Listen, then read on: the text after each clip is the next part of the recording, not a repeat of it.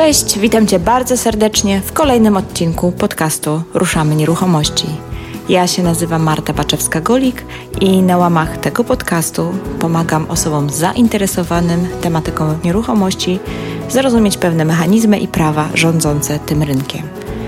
Jeżeli podobnie jak ja uważasz, że najlepiej zdobywać wiedzę od praktyków, a nie od teoretyków, to ten podcast jest dla Ciebie i mniej pewność, że wszystkie przeprowadzone tu wywiady są z ludźmi, którzy wiedzę zdobywali poprzez własne doświadczenie.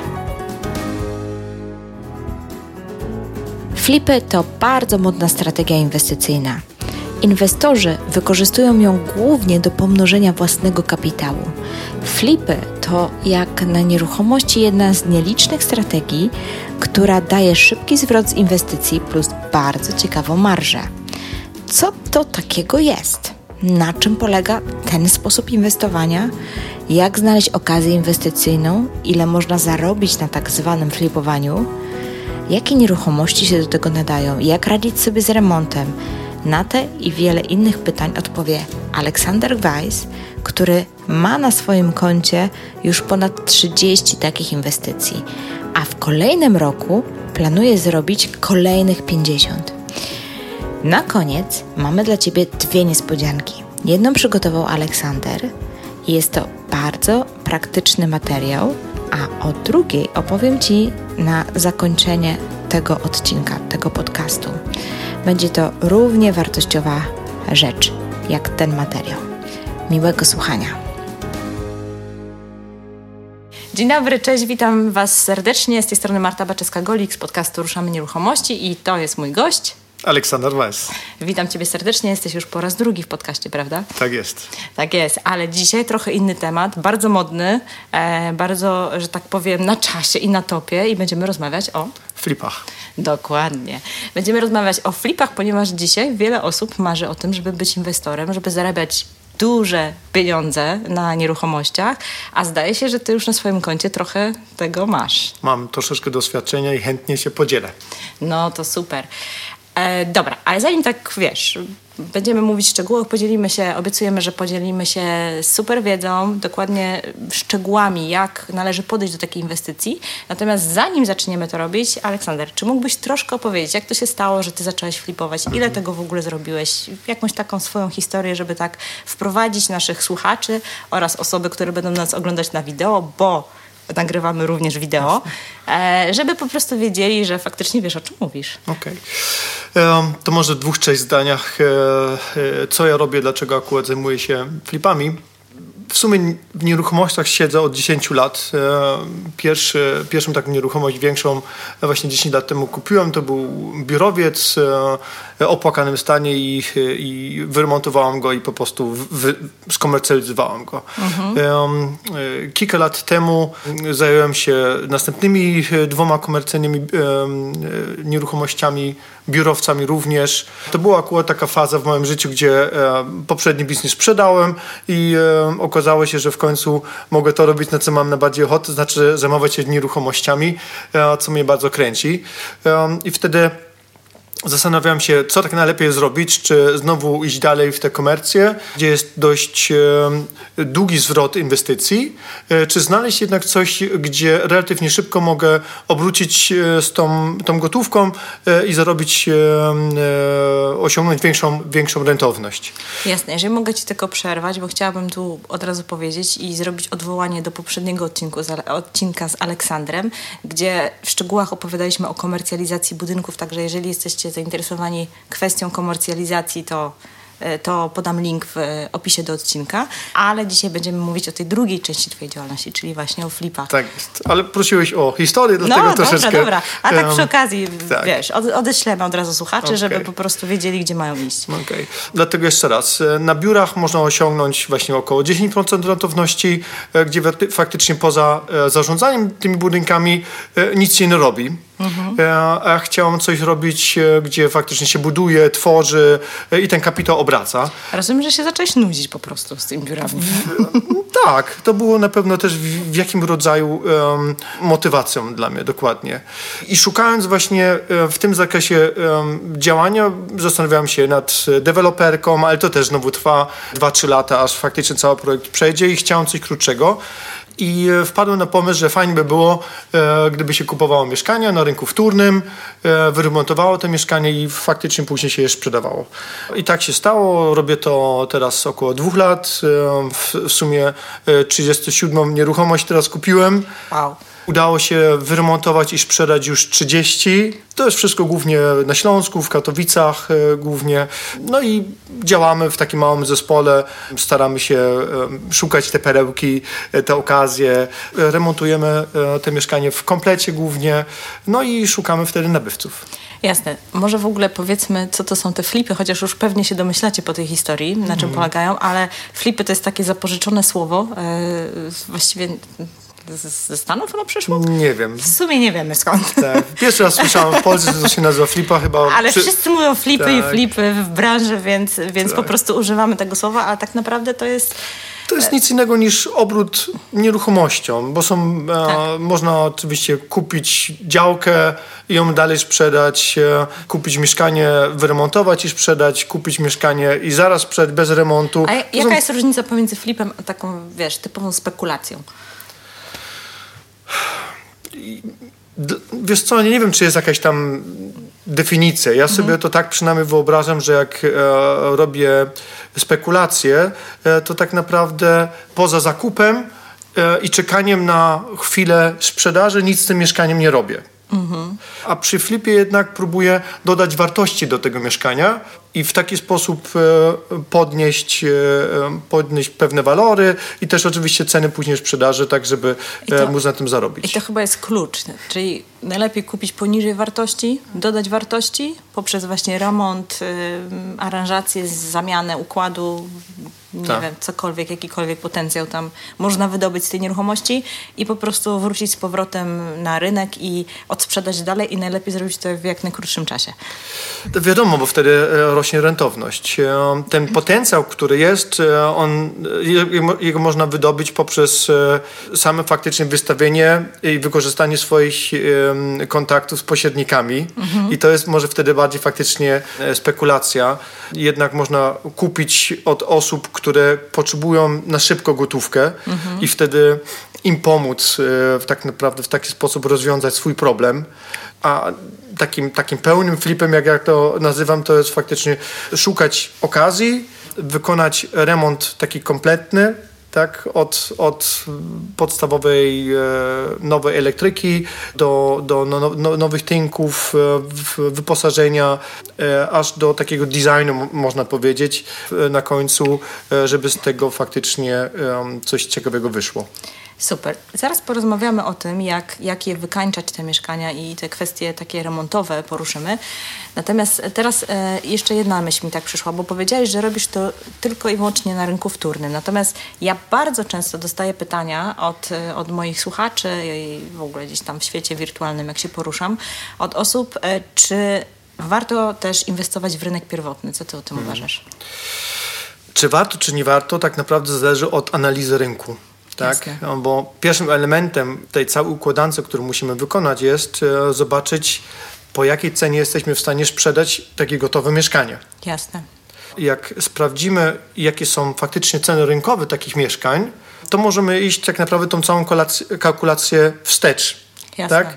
I dojdziemy w pewnym momencie, e, jak odliczymy wszystkie koszty, tak? Koszty remontowe, koszty zakupowe, koszty posiadania tej nieruchomości typu czynsze, e, prądy, wodę, koszty e, związane z pośrednikiem, z notariuszem, e, podatkiem od czyn czynności cywilnoprawnych, dojdziemy do kwoty, gdzie zostaje tak naprawdę na zysk. Mhm. I jak odliczymy na zysk, to dochodzimy do kwoty, po której powinniśmy kupić takie mieszkanie.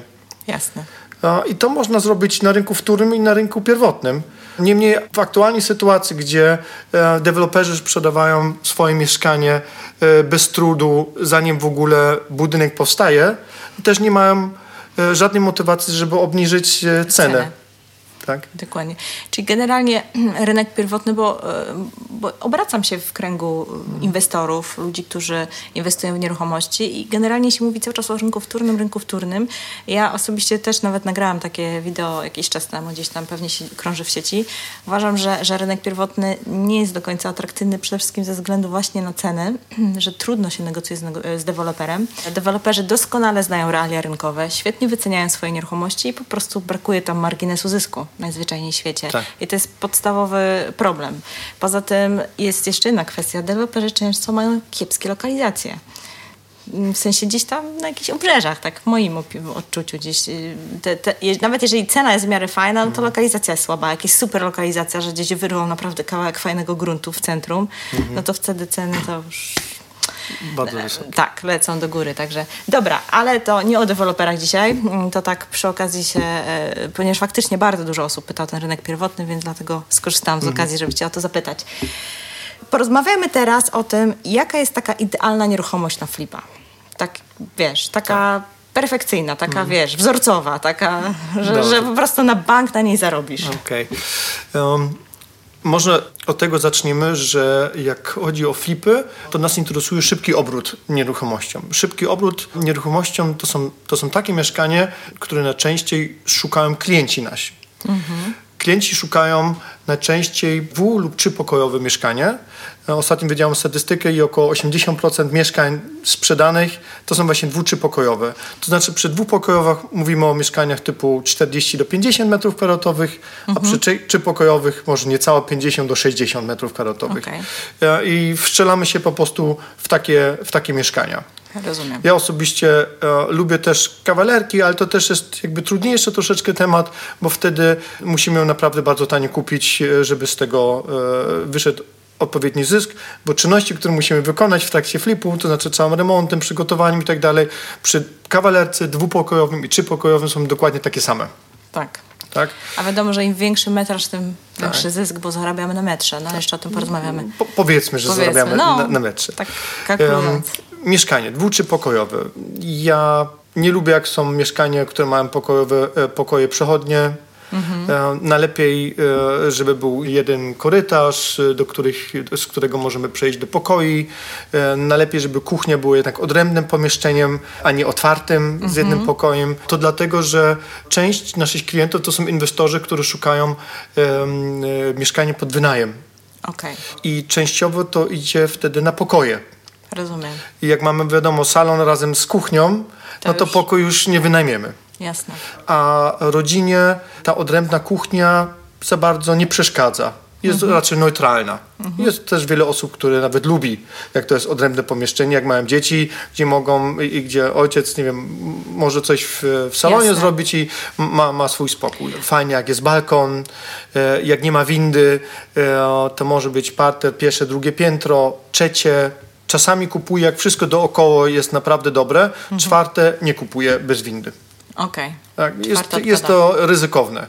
Miałem już kiedyś jedno mieszkanie na czwartym piętrze, ale drugi raz bym. No faktycznie to musi być już bardzo tanie i różnica pomiędzy e, pierwszym, drugim piętrem i czwartym by musiała być następne może 20%, tak żeby się, Rozumiem, żeby to e, się opłacało. żeby to się opłacało, żeby znaleźć się po prostu klient, który jest gotów iść na te czwarte piętro bez windy i odpowiednio wtedy zapłaci mniej. Jasne, Tak? jasne. Ja bardzo zwracam na to uwagę, żeby dookoła, żeby sam budynek w ogóle był w dobrym stanie, klatka, żeby była w fajnym stanie, e, żeby e, elewacja była zrobiona, jak nie jest zrobiona, żebym przynajmniej miał informację od wspólnoty spółdzielni, że lada moment będzie robiona. Ale czy na przykład taka klatka, wiesz, obskurna dyskwalifikuje taką nieruchomość? Niekoniecznie. Tak? Jak mamy taką sytuację, że mamy naprawdę fajną lokalizację, e, mamy pierwsze piętro, mamy balkon, od odpowiedniej strony jest naświetlenie, e, a mamy tylko zepsutą, nieładną klatkę, no to da się to przebulić. Tak?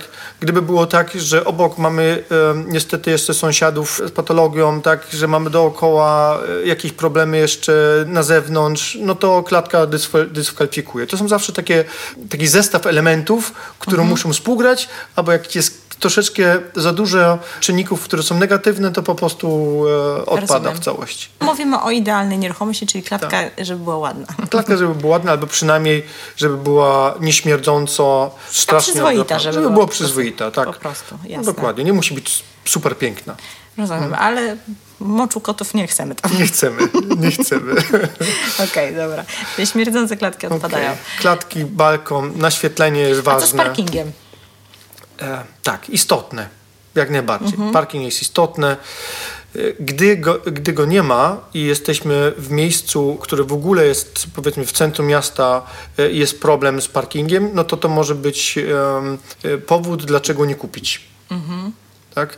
Jak mamy dużo osiedla, to raczej z parkingiem nie ma problemu, nawet jak nie ma dedykowanego parkingu. Gdzieś tam się zawsze znajdzie miejsce, nie? tak.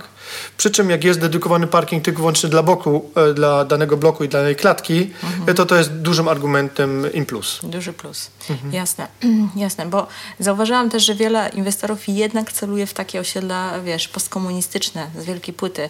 No a tam wiadomo, jak to jest z tymi parkingami. No, chodniki oblepione, no nie wiem jak jest u ciebie, ale w Gdańsku to czasami naprawdę ciężko nawet przejść, e, co dopiero przejechać. I tak się właśnie zastanawiałam, czy to już nie zaczyna być na tyle poważny problem, że gdzieś tam te osiedla stare może mogą stawać się coraz mniej atrakcyjne.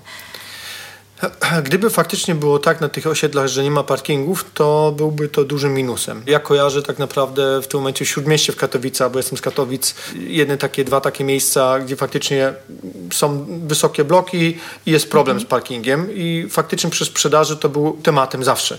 Tak. Przy tych e, innych dużych em, osiedlach, u mnie przynajmniej w Katowicach, e, tego problemu nie ma. Dlatego e, no, Jasne. nie ma też dyskusji na ten temat. Jasne, jasne. Dobra, no to jak już wspomnieliśmy o tych wielkiej płycie, czy wielka płyta jest ok, czy unikać? Wielka płyta jest wtedy ok, jak e, mamy znowu dookoła e, infrastrukturę, jak jest wszystko przygotowane, żeby móc e, wygodnie i dobrze mieszkać, to wielka płyta nie jest tak naprawdę dużym problemem. Tak?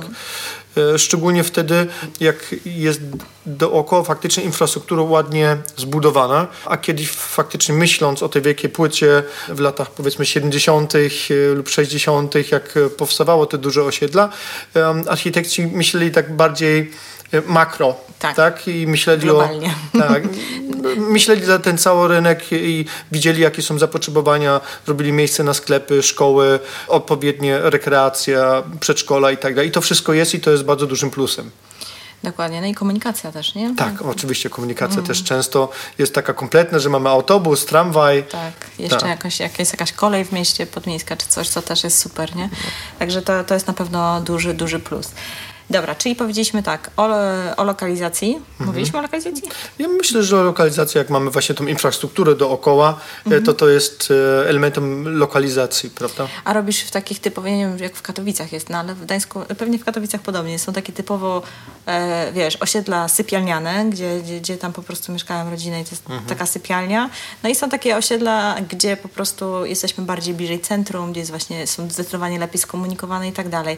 Czy w tych sypialniach też ci się zdarza inwestować? W Katowicach to sypialnie są raczej już inne miasta, tak? Okej. Bo to też wszystko tak e, sklejone i faktycznie tak, e, robię e, też takie ma też inwestycje. sens ma też sens. takie- Wtedy te ceny na pewno są troszeczkę niższe niż w centrum, wiadomo, ale jest rynek na to, jest popyt. No bo wiesz, mówi się zazwyczaj, że lokalizacja, lokalizacja, jeszcze raz lokalizacja, nie? Że to są trzy główne czynniki dla nieruchomości. To, to generalnie lokalizacja, no.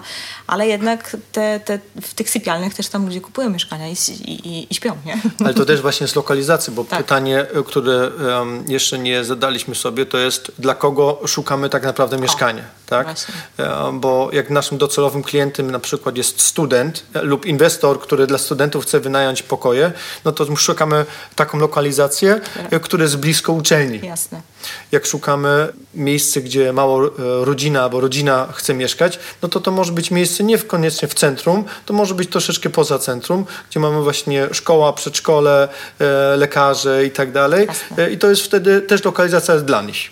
Jasne, zdecydowanie. Czyli, y, czyli lokalizacja, ale patrzymy przez pryzmat naszego klienta. Tak jest. Dokładnie tak. Okej, e, czyli mamy metraż, im bardziej rozkładowe i tradycyjne, tym lepiej. Mhm. Lokalizacja no, pod kątem potrzeb naszych klientów, a dobrze skomunikowane, wielka płyta też jest ok, a stare kamienice? Stare kamienice e, mają ten problem, że często e, pomieszczenia wspólne e, nie są w odpowiednim stanie. Jak mamy starą kamienicę, gdzie jest wyremontowane Czyli e, problem klatki. Klat, klatka schodowa, gdzie mamy e, elektrykę wspólną i, i wszystkie e, wodkany wymienione, prawda, i OC i elewacja jest fajna, no to dlaczego nie? To wtedy faktycznie jest bardzo ciekawa, ciekawa inwestycja. Jak coś z tego nam brakuje, to często jest problem w ogóle, żeby to osiągnąć, bo to, y, głównie to są wspólnoty małe, gdzie mamy kilka albo kilkanaście maksymalnie właścicieli mhm. y, i, wtedy brak, brak, jest brak po prostu funduszy, żeby doprowadzić tą kamienicę do takiego stanu, żeby zachęcić opo, y, odpowiednich klientów. No dobra, to już mniej więcej wiemy, czego szukamy. Wiemy, jaka jest nasza super idealna nieruchomość, tylko teraz pytanie, jak ją znaleźć, żeby była faktycznie na tyle atrakcyjna cena również, żeby mhm. nam się opłacało to wszystko zrobić. Masz jakieś sposoby na wyszukiwanie perełek inwestycyjnych? Jako no pierwszy jest... muszę wiedzieć, za, e, kiedy mówimy o perełkach, tak? no tak? To znaczy robimy tą całą kalkulację inwestycji od tyłu. Okej, okay. będziemy tak? zaraz mówić jeszcze o tym, jak liczyć i analizować, no. czy nam się to opłaca i tak dalej. A jak je znaleźć. Jak je znaleźć, no właśnie, tak. bo mam wrażenie, że to jest chyba najtrudniejsze zadanie z całego, jest to, całego tego... Ja myślę, że kwintesencją całego tego biznesu flipowania jest e, faktycznie jak znaleźć tą perełkę. No, tak? dokładnie. Więc jakbyś mógł nam zdradzić twoje sposoby tajniki na znajdywanie tajniki. perełek inwestycyjnych. Tak, jak zdradzę, to już nie będą tajne. Tak? No. Słuchaj, to tak naprawdę nie jest tajne. Tak naprawdę to jest praca. Tak? tak. Um, ja głównie polega na tym, e, że współpracuję pośrednikami. Mhm. E, wyszukuję takich pośredników, o których ja myślę, że warto z nimi nawiązać relacje, znaleźć z nimi wspólny język Mhm. I po prostu tworzyć relacje, pokazać im, że e, ja jestem rzetelnym e, współpracującym. Że mogą zrobić z tobą szybkiego deala. Szybkiego, stałego deala, że wracam, mhm. że to nie jest jednorazowe, e, że faktycznie jak z, ze mną nawiążą współpracę, to dzisiaj, za miesiąc, za rok, za dwa e, będą mieli fajnego klienta, który od nich kupi i sprzeda z nimi e, mhm. mieszkanie. A możesz powiedzieć trochę, jak, w jaki sposób budujesz tą relację? W sensie takim, że nie wiem, jedziesz do biura, się przedstawiasz, hello, to ja, jestem inwestorem. czy, czy, czy to po prostu wychodzi tak przy okazji Zależy jak, jak to jest zaplanowane, tak? Mhm. E, na początku to było tak, że e, szukałam w internecie e, mieszkania. Mhm.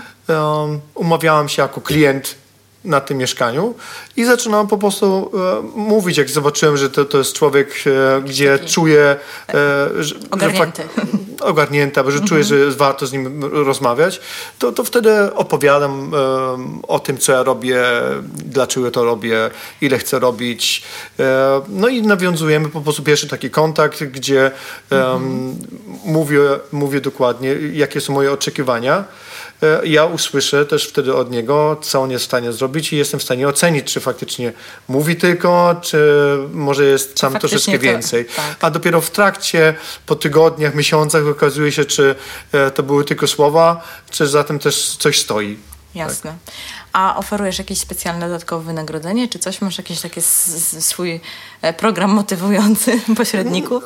Na pewno oferuje atrakcyjne warunki współpracy. Mhm. Przy czym to nie jest nic specjalnego, że nagle, nie wiem, u mnie zarabia, załóżmy tysiąc, przepraszam, u, u kogoś zarabia tysiąc, a u mnie zarabia dziesięć. Nie. Mhm. To są, myślę, bardzo podobne warunki e, finansowe. Niemniej e, pokazuje e, swoją osobowością, a przynajmniej próbuję pokazywać swoją osobowością i też moim zespołem, e, że e, u mnie jest w stanie zarobić regularne pieniądze i nie tylko przy e, zakupie z mojej strony, ale również mhm. przy sprzedaży, jak jest gotów w, oczywiście dla mnie pracować. Jasne. A teraz już jest tak, że raczej to pośrednicy do ciebie dzwonią i mówią, słuchaj, jest temat, czy, czy, czy ciągle sami siedzicie w internecie, nie wiem, jeździcie, dzwonicie z banerów i tak dalej? Jak to Oczywiście wygląda? zdarza się coraz częściej, że do nas dzwonią po prostu, -hmm, tak? Mm -hmm. I pytają się, czy mamy coś już gotowego do sprzedaży, tak? E, czy, czy, czy mogą wziąć do oferty. E, lub e, z jakimiś ofertami swoimi dzwonią. Niestety często to są takie oferty, które i tak dostaję bezpośrednio, bo się okazują na, na, na tych dużych portalach, mhm. ale znajdują się oczywiście też takie, które nie są opublikowane jeszcze. No dobra, a pogadajmy, pociągnijmy ten no. Wojtek. Jak jest ta oferta na taka, wiesz, no. że, że dzwoni do ciebie, wrzuca ci pośrednik, po czym ty znajdujesz ofertę bezpośrednio. Ja, robisz to z pośrednikiem, czy idzie bezpośrednio? Jestem fair, tak? Jak, e, tak, bo inaczej, umówmy się, kurczę, raz zrobię świństwo, to już mnie nie ma na rynku. To no. raz, dwa się rozejdzie, tak? Prawda. tak? Trzeba e, grać fair. Jak e, ktoś mi po prostu e, daje ofertę jako pierwsze, ja, nie wiem, pół godziny później się dowiaduję, no to moja strata. Tak? Jasne, jasne. No to dobrze, bo to chyba w ten sposób się właśnie buduje tą taką wiarygodność tak, w oczywiście, oczach, w oczach tak. tych pośredników. Że... No, wysta- wy- mówię, wystarczy, że raz um, oszukujesz, no i wtedy to bez sensu, tak? No to tak. cała swoja praca, na którym siedziałam tam, nie wiem, e, teraz już drugi rok, no zniszczę, tak? Bez, bez sensu. No. To też ma jakiś, e, etycznie nie, nie, nie pasuje mi, nie? Jasne, jasne. Okej, okay. E, a sami też poszukujecie? Tak, oczywiście, poszukujemy. Mamy tam na tych oto domach, OLX-ach, gratkach włączane oczywiście te powiadomienia. A korzystasz z jakichś takich programów typu Monitor, czy jakieś tam inne nie do wyszukiwania ofert? Nie. nie. nie. Dlaczego? Bo Jakub twierdzi, że nie trzeba. a kto to jest Jakub? Jakub jest um, moim takim bliskim współpracującym e, e, człowiekiem, który jest członkiem mojego zespołu równocześnie też mam szwagrem. I, I muszę prostu... zdradzić wam, że siedzi na backupie. Tak, Cichutko siedzi. i się teraz śmieje właśnie. no jasne, czyli Jakub twierdzi, że nie trzeba. Że jest po trzeba. prostu dobrym serczem. Tak. Ogarnia. Tak, tak. No bo tak naprawdę jak się dobrze ogarnia portale, to faktycznie nie trzeba. To jest tylko wygoda i ewentualnie mm. e, no jakaś, no wygoda mi się chyba wydaje. Wygoda. Chyba, Może chyba tak. czasami jest coś takiego, że faktycznie ktoś szybciej dostaje tą ofertę. Mieliśmy już parę takich przykładów, tak. gdzie troszeczkę za późno byliśmy, nie? O tym, mhm. co przed chwilką mówiłaś. Ale okej. Okay. No, tak miał być. E, ja myślę, że żeby faktycznie długotrwało na, e, stworzyć biznes taki flipowy, mhm. E, no to trzeba być świadom tego, że on funkcjonuje tylko wyłącznie pośrednikami. Bez, moim zdaniem, nie ma racji bytu. Okej, okay, to ciekawe. To ciekawe. Myślałam, że jednak głównie szukają bezpośrednio ofert e, inwestorzy. Ja wliczam te wynagrodzenie w cenę e, kosztów. To jest to po no. prostu koszt. Tak. Jasne, że tak. Jasne, że tak. Okej, okay, e, dobra, to co? To może przejdźmy do kolejnej rzeczy, bo jak już mamy, wiemy co chcemy kupić, wiemy jak to znaleźć, mm -hmm. to teraz czas by podziałać w tej nieruchomości. Tak. E, co Twoim zdaniem warto, zdecydowanie warto robić w tych mieszkaniach? Co podnosi wartość nieruchomości? Jakie czynności, jakie działania, jakie remonty, aranżacje i tak dalej? Ja na ten moment prawie tylko wyłącznie kupiłem mieszkania, które nadawały się do generalnego remontu. Tam po prostu bombę wrzucamy. Czyli trzeba robić wszystko. Tak, bombę wrzucamy i robimy wszystko. Jasne. Dosłownie. Było jedno mieszkanie, e, które było w relatywnie dobrym stanie, gdzie zrobiliśmy taki facelifting i tyle, tak? Na ten moment to są mieszkania, gdzie robimy wszystko. E, prostujemy ścianę, robimy nową elektrykę, e, robimy nowy wodkan, ogrzewanie też zawsze jest nowe, e, często nowe okna, gipsujemy nowe podłogi, nowe łazienki, komplet. Komplet. Mhm. Okej, okay. no ja rozumiem, że te wszystkie rzeczy są w ścianach instalacyjne i tak dalej. Mhm. Jak jest no, tragedia, co trzeba zrobić. A co z takimi, nazwijmy to, dodatkami? Typu jakieś takie, nie wiem, super nowoczesne oświetlenie, jakiś mm. e, inteligentny smart system house mm. i, i, takie, wiesz, no takie wszystkie te takie nowoczesne rzeczy. Czy w ogóle warto w tego typu historii inwestować? Ja myślę, że to jest znowu uzależnienie od danego rynku. Mm-hmm. Tak, jestem przekonany, że jest rynek e, w Warszawie e, lub w, w takich centrach miast, gdzie faktycznie ludzie szukają takie rozwiązanie, gdzie można się nad tym jak najbardziej zastanawiać. Mhm. Pytanie jest, y, czy znajdziemy takich klientów, y, którzy za to zapłacą? Taki, a za to zapłacą i są jakby z gotów wziąć, mhm. Y, brać pod uwagę mimo wyższego budżetu, że nie zajmują się remontem. Mhm. Tak? Trudno powiedzieć. Ja taki rynek w Katowicach i dookoła nie mam, dlatego nie korzystam z tego. Czyli raczej, raczej, raczej nie ma. Mi się też wydaje, że to chyba jest, trzeba było wrócić do tego punktu wyjścia, czyli kto jest moim docelowym Mhm. klientem, bo jeżeli to jest przeciętny Kowalski, to czy przeciętny Kowalski potrzebuje mieć Smart Intelligent House? Raczej nie. No właśnie, on tego nie docenia. No fajnie, fajny bonus, Mhm. tak? Ale czy za to wyjmie z kieszeni kasę i za to zapłaci No. więcej? Trudno powiedzieć. No. My się zawsze też e, kłócimy, jak bardziej wyposażyć te, te mieszkanie, tak? Czy warto jednak dodać e, jakiś rodzaj mebli, czy warto dodać e, zasłony, firanki, czy zostawić No raczej surowo, tak? To jest właśnie kwestia, dla kogo Często to jest. są pytania, o wiesz, zwłaszcza te takie droższe sprzęty, typu jakieś AGD albo jakieś stałe zabudowy szaf i tak dalej. Mhm. Robicie to w swoich mieszkaniach, czy nie? Wyposażacie? Pomysł dla, dla naszego rynku jest e, na ten moment, wydaje mi się, adekwatny. Jest taki, że próbuję znaleźć takie rozwiązanie, które jest e, akceptowalne przez dość szeroki krąg klientów. Przy tym design ma być nowoczesny, nieprzesadny, Jasne. żeby móc relatywnie łatwo dodać swój odcisk, tak? I, i jakiś tam swój, swój gust, żeby móc relatywnie szybko zamieszkać bez dużych przeróbek i Nakładów. dodatkowych nakładów. Dlatego kuchnia zawsze jest, łazienka zawsze jest, Ze wszystkimi sprzętami AGD? mm, prawie. Dobra, to co to znaczy prawie? prawie. Zmywarki na przykład nie, nie dajemy. Zmywarki tak? nie dacie, a lodówka? Lodówka czasami jest, czasami nie ma. Okej.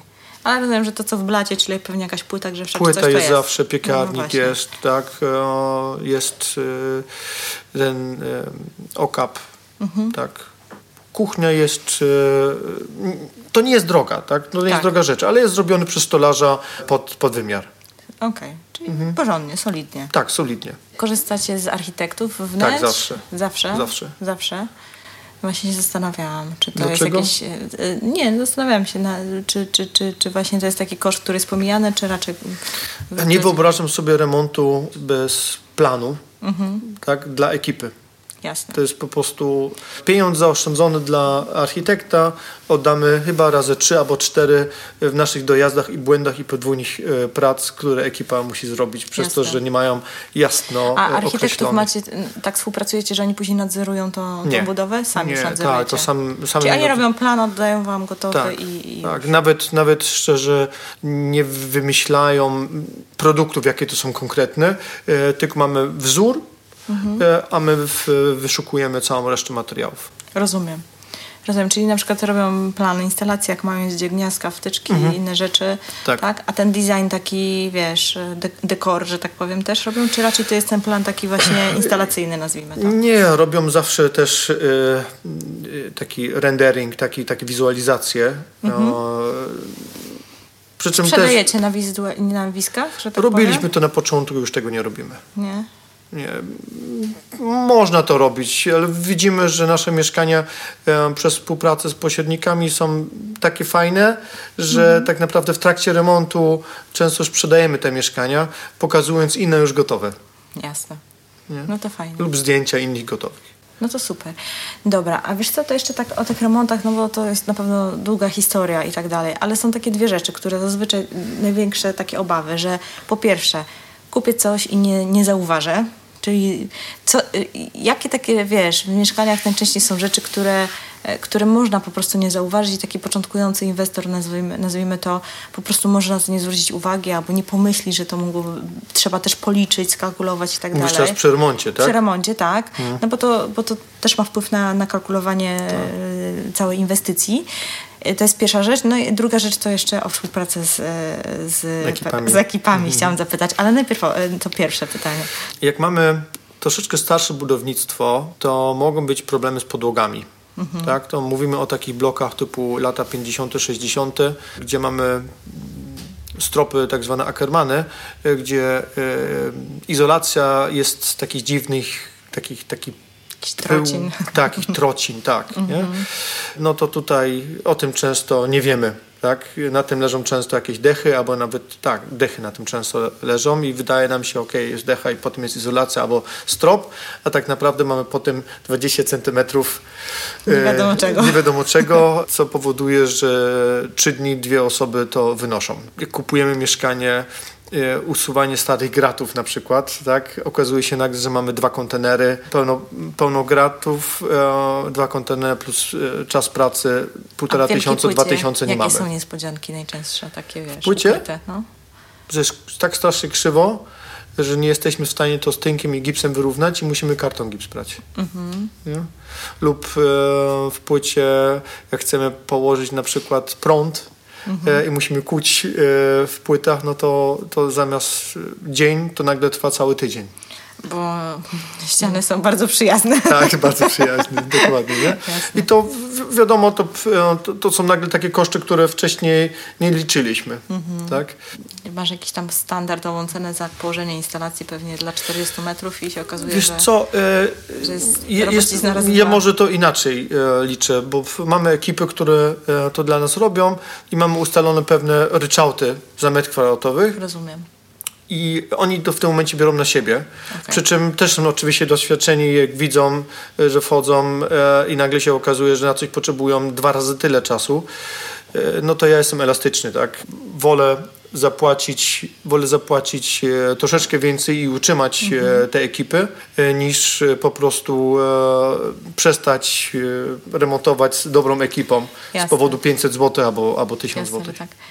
Dobra, to tak naturalnie do tych ekip Mhm. przechodzimy. Tak. E, powiedz mi, współpracujesz właśnie, zatrudniasz ludzi, masz już swoją firmę remontową, czy jednak są to podwykonawcy i zewnętrzne firmy? Jak to Aktualnie to są podwykonawcy już zewnętrzne firmy, niemniej e, właśnie jestem w trakcie e, załatwienia wszystkich formalności, żeby zatrudnić e, na małą firmę Ukraińców. Aha, rozumiem. Mhm, i Czyli jednak się to będzie lepiej kalkulować.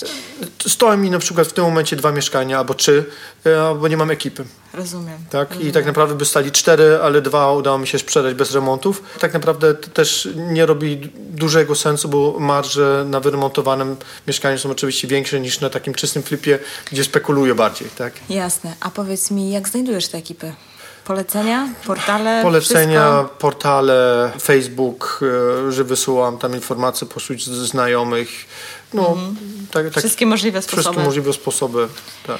I forma rozliczeń raczej ryczałtowa, czy na godziny? Czy Raczej jak? ryczałtowa. Raczej ryczałtowa. Czyli mają przyjść, ocenić i Tak. wezmą za daną robotę, tak? Tak, tak. Zdecydowanie lepiej to się Tak, tak, tak. wychodzi. No.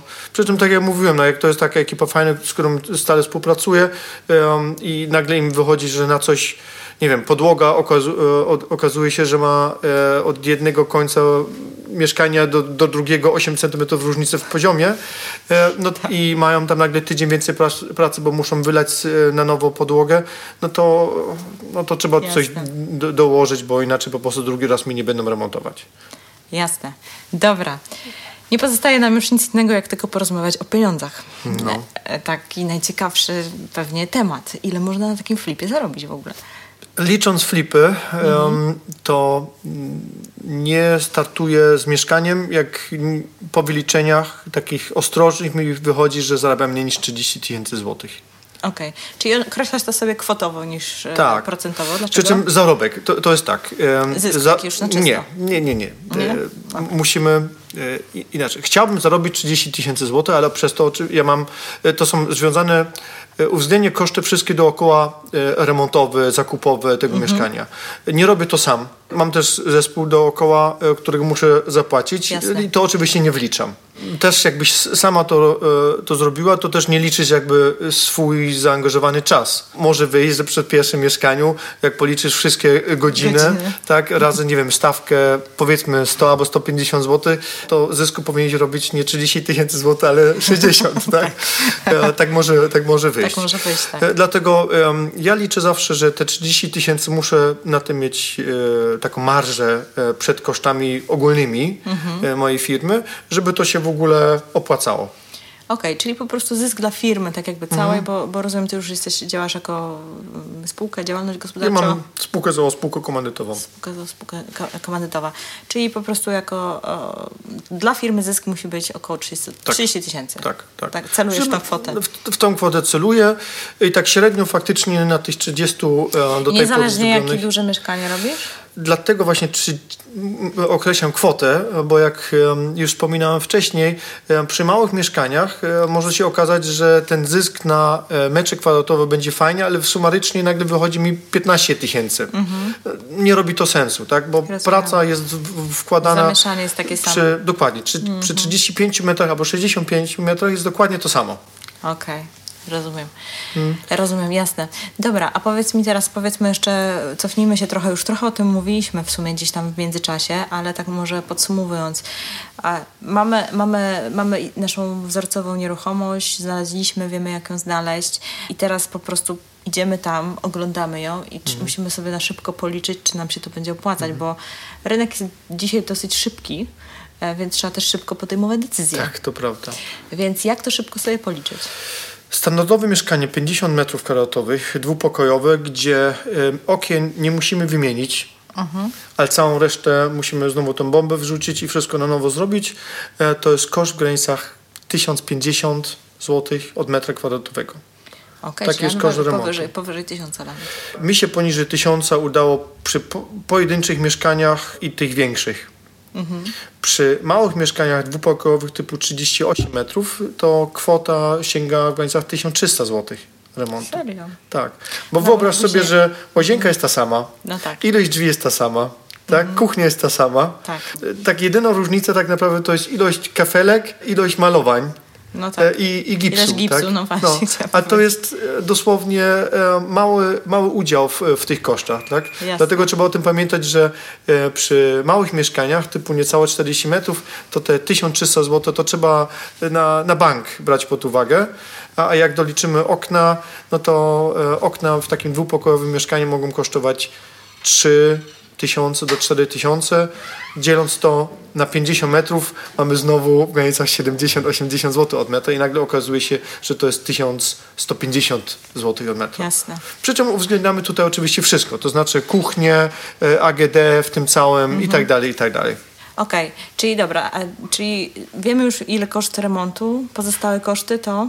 Koszty utrzymywania tego mieszkania na czas, gdzie jesteś właścicielem. O. To znaczy mamy prąd, mamy czynsz, to mamy jest wodę. coś, o czym można zapomnieć. Bardzo łatwo, tak. tak. Szczególnie jak e, robisz to 6 miesięcy, załóżmy, masz cały tak. proces inwestycyjny e, i masz takie mieszkanie powiedzmy 50-metrowe gdzieś tam e, na osiedlu, e, no to koszt czynszu łącznie z ogrzewaniem i prądem może wyjść pomiędzy 500 a 600 zł, razy 6 miesięcy masz 3 do 3600 zł. Jasne.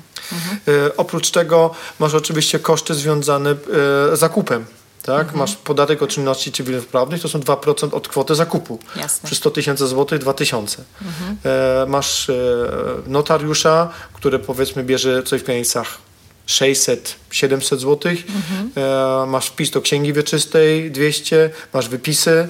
Ja to kalkuluję zawsze, e, że notariusz łącznie z tymi wypisami to jest przynajmniej 1000 zł. Mhm. I to jest tak, jestem po bezpiecznej stronie. Mhm. Tego architekta musimy jeszcze doliczyć i mogą dojść ewentualnie jakieś tam jeszcze dodatkowe opłaty, o których nie wiemy, od e, spółdzielni, wspólnoty, że nagle wychodzą e, tam jakieś dodatkowe badania, które musimy zrobić Okay. Tak? A miałeś nie jakiś wiem. konkretny przykład w głowie masz? E, nie wiem. My na przykład w międzyczasie robimy u każdego, mhm. w każdym mieszkaniu e, badanie przeciwporażeniowe. Okay. Tak? Tam, gdzie mamy piecyk gazowy, też zapraszamy kominiarza, e, który nam sprawdza wentylację. Jasne. Nie? To są takie dodatkowe rzeczy, które nie trzeba, ale dobrze mieć. Jasne.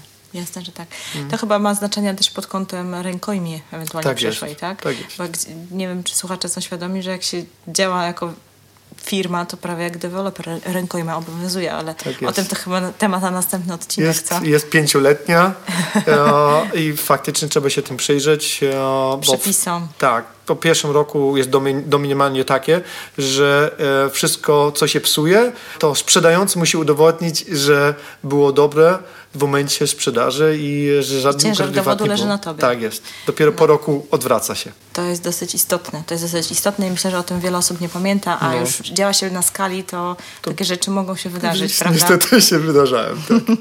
no właśnie. To trzeba o tym pamiętać. Także przyjrzyjcie się tematowi rękojmi. E, dobra, czyli tak, mamy koszty remontu, mamy koszty utrzymania mieszkania, ewentualnie koszty rat kredytowych, jeżeli bierzecie kredyt, Tak, tak? I, Tak. I, I koszt pieniądza, ewentualnie prowizji za wcześniejszą spłatę, a jeżeli w grę wchodzi jakieś e, pożyczkowanie.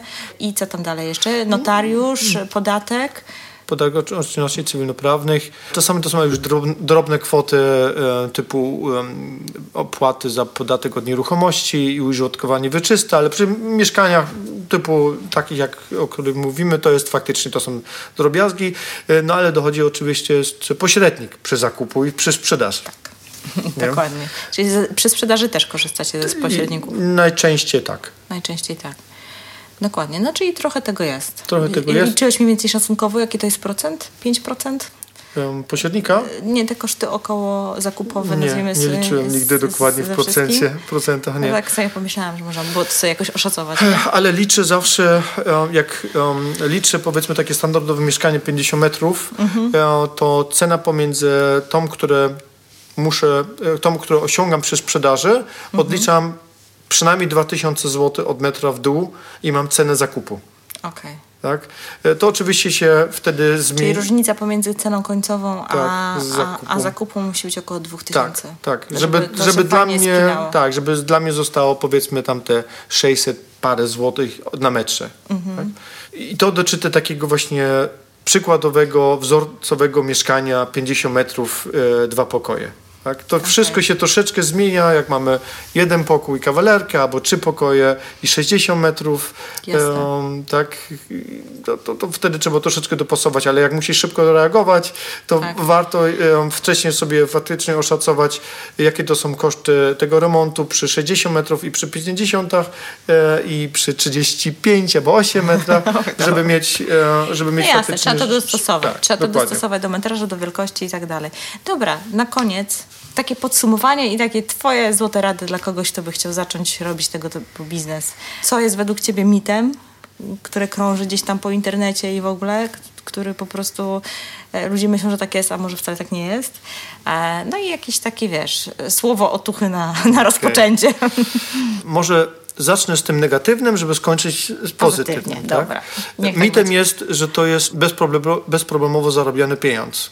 To jest Jasne. praca po prostu, tak? Praca, w którą musimy zaangażować faktycznie sporo czasu, żeby coś z tego wyszło. Dla osób, które robią to dodatkowe, mając e, etat, jest to naprawdę e, zaangażowanie takie pełne poza godzinami e, pracy, gdzie rodzina musi zostać niestety na drugim planie.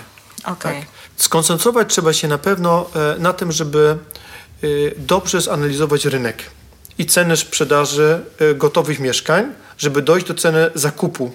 Aktualnie mamy do czynienia z taką sytuacją, że ceny w ostatnich miesiącach strasznie poszły do góry e, i okazuje się, że e, osoby, które zaczynają, często nie doceniają faktycznie trud szukania prawdziwych okazji i przepłacają. Co Okej. później może się okazać, że niestety nie są w stanie sprzedać swoje mieszkanie po takiej cenie, które im daje zarobek. To jest bardzo ważne i e, No, ale to jest lekcja. to jest lekcja, ale Do odrobienia. no, ale, które- lepiej unikać Lepiej unikać, sytuacji, tak? sytuacji, Dlatego jest to jasne. bardzo istotne, żeby mieć tak swoją górną granicę cenową, którą chce się wydać dan, na danym osiedlu, dla Mhm. danego mieszkania i w żadnym przypadku nie przekroczyć nawet jakby to była różnica 5 tysięcy złotych. Jasne. A e, żeby skończyć takim pozytywnym e, elementem, no to e, tworzy się piękne faktycznie nieruchomości. Ja to strasznie, e, strasznie lubię, że na końcu po tym całym remoncie i tak naprawdę dopiero wychodzi w ostatnim tygodniu, jak już jesteśmy po tym remoncie i nagle wchodzimy i to jest wysprzątane, pachnące i widzi się później te, te ma- zdjęcia przed. przed i po? No mamy zdjęcia zawsze przed, bo wiadomo, jak kupujemy w okazjonalnych cenach, e, no to e, Urząd Skarbowy może do pięciu lat do nas przyjść i powiedzieć, że cena była zaniżona i proszę zapłacić e, podatek od czyn- czynności cywilnoprawnych od innej kwoty. Tak? Dlatego jest ważne, żeby em, mieć te, te, te zdjęcia przed. E, Jak widzimy później ten efekt po, e, no to e, ja mam uśmiech od, od, ust, od, od ucha do ucha. Mi się to strasznie podoba i, i to jest taka nagroda wtedy dla mnie. No jest to pewnego rodzaju taka kreacja, nie? Tak, tak, jest No, za, za niedługo będziecie mogli nagrywać, wiesz, program rodem TVN Style albo jakiś Domo TV i metamorfozy. No, metamorfozy to faktycznie może jest nawet nawet jeszcze coś troszeczkę innego, bo często wtedy nie robią tam całych takich remontów, tylko bardziej home staging, e, prawda? No, no, różnie, no, różnie, różnie to bywa. To bywa. Mm. No ale a propos metamorfoz, y, tak jeszcze tak już na sam koniec. Bo my jesteśmy tak trochę otoczeni tymi wszystkimi pięknymi rzeczami, takimi, wiesz, że tutaj jakieś super nowoczesne kafle, jakieś mm. coś tam, przeszklenia, jakieś, y, wiesz, warto w takich właśnie flipach iść w ten trend, czy raczej to porządnie, solidnie, ładnie, w miarę nowocześnie, ale jednak tradycyjnie? Tradycyjnie. Właśnie to jest taka definicja, co jest tradycyjnie. No tak? ja lubię, lubię zaszaleć, ale zawsze łapię się przy tym, mówię, kurczę, trzeba... Wiesz, bo można popłynąć, Tak, trzeba, A, można popłynąć cenowo, tak, i mhm. wydać za dużo. B, można e, faktycznie nie trafić i zwężyć sobie swój potencjalny e, krąg odbiorców, tak? Jasne. E, dlatego to są te, te moje mieszkania to są takie mieszkania, gdzie, e, które widać może często w jakichś takich serialach, tak? E, takich popularnych, okay. e, tylko bez tych wszystkich dodatków. Jasne. Przy czym no. jakiś homestaging zawsze robimy i widać e, jakieś obrazy, e, są lustra. Delikatne ocieplenie. E, takie ocieplenie, żeby tak było czuć mhm. dla tego potencjalnego klienta, jakby było tutaj mieszkać. Aleksander, wielkie dzięki za dzisiejsze spotkanie. Myślę, że naprawdę wyczerpaliśmy temat dosyć mocno. E, także i w ogóle super, że przyjechałeś, bo Aleksander dzisiaj wstał o której? O 3.15. Żeby specjalnie tutaj do mnie przylecieć. Wow, po prostu czuję się normalnie e, wyróżniona w związku z tym. Także wielkie dzięki za, za Twoje zaangażowanie. Fajnie, że wpadłeś i że zechciałeś się podzielić tą wiedzą. Mam nadzieję, że skorzystacie, zrobiliście notatki. No i cóż, życzymy Wam powodzenia. Ja również Ci bardzo dziękuję, Marto, i cieszę się, że mogłem też uczestniczyć i się nagrać, tak? I tą wiedzą się podzielić. Super, wielkie dzięki i do usłyszenia niebawem ze wszystkimi. Do zobaczenia z tymi, co nas oglądają na wideo. Do widzenia. wow. Myślę, że Aleksander zdradził całą masę szczegółów z własnej działalności. Mam nadzieję, że mając tę wiedzę, łatwiej Ci będzie podjąć decyzję, czy ten sposób inwestowania jest dobry również dla Ciebie. Nie ulega wątpliwości, że jest to lukratywna strategia pomnażania kapitału, ale nie jest to łatwy sposób zarabiania. Jak w każdym biznesie potrzeba czasu i kapitału, by go rozwinąć. W przypadku nieruchomości kapitał jest do pozyskania, czego zresztą uczę z Martą Smith na naszych bezpłatnych webinarach, jak i płatnych szkoleniach. Bez wkładu własnego możesz zacząć działać w nieruchomościach, ale bez wkładu, bez kapitału oraz bez czasu i zaangażowania, to raczej się to nie uda. Jeżeli chcesz się dowiedzieć więcej na temat sposobów zarabiania na nieruchomościach bez dużego własnego kapitału, zapraszam Cię na bezpłatny webinar, który poprowadzę razem z Martą Smith. Link do stron z webinarem znajdziesz w opisie tego odcinka, dlatego koniecznie zerknij do opisu. A teraz druga obiecana niespodzianka. Aleksander przygotował listę materiałów i kosztów remontów. Myślę, że jest to mega przydatna checklista dla wszystkich, co planują zrobić remont taki pod kątem inwestycji, ale nawet jeżeli przymierzasz się do własnego remontu we własnym mieszkaniu, to też może Ci się taka lista przydać. Listę tę możesz pobrać na stronie podcastu www.ruszamynieruchomości.pl łamane na RN45.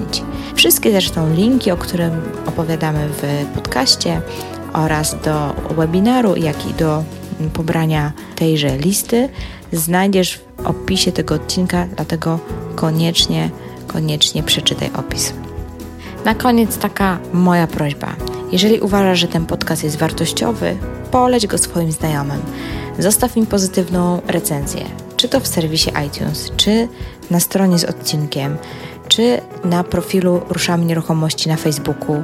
Niezależnie od tego, gdzie zostawisz swoją miłą opinię, to bardzo, ale to bardzo mnie to ucieszy. W serwisie iTunes pojawił się nowy komentarz, że ten podcast jest godny polecenia, bo jest dobrze zrobiony. No i tym pozytywnym akcentem zakończę na dzisiaj i powiem tak. Do usłyszenia niebawem, a może nawet do zobaczenia na webinarze.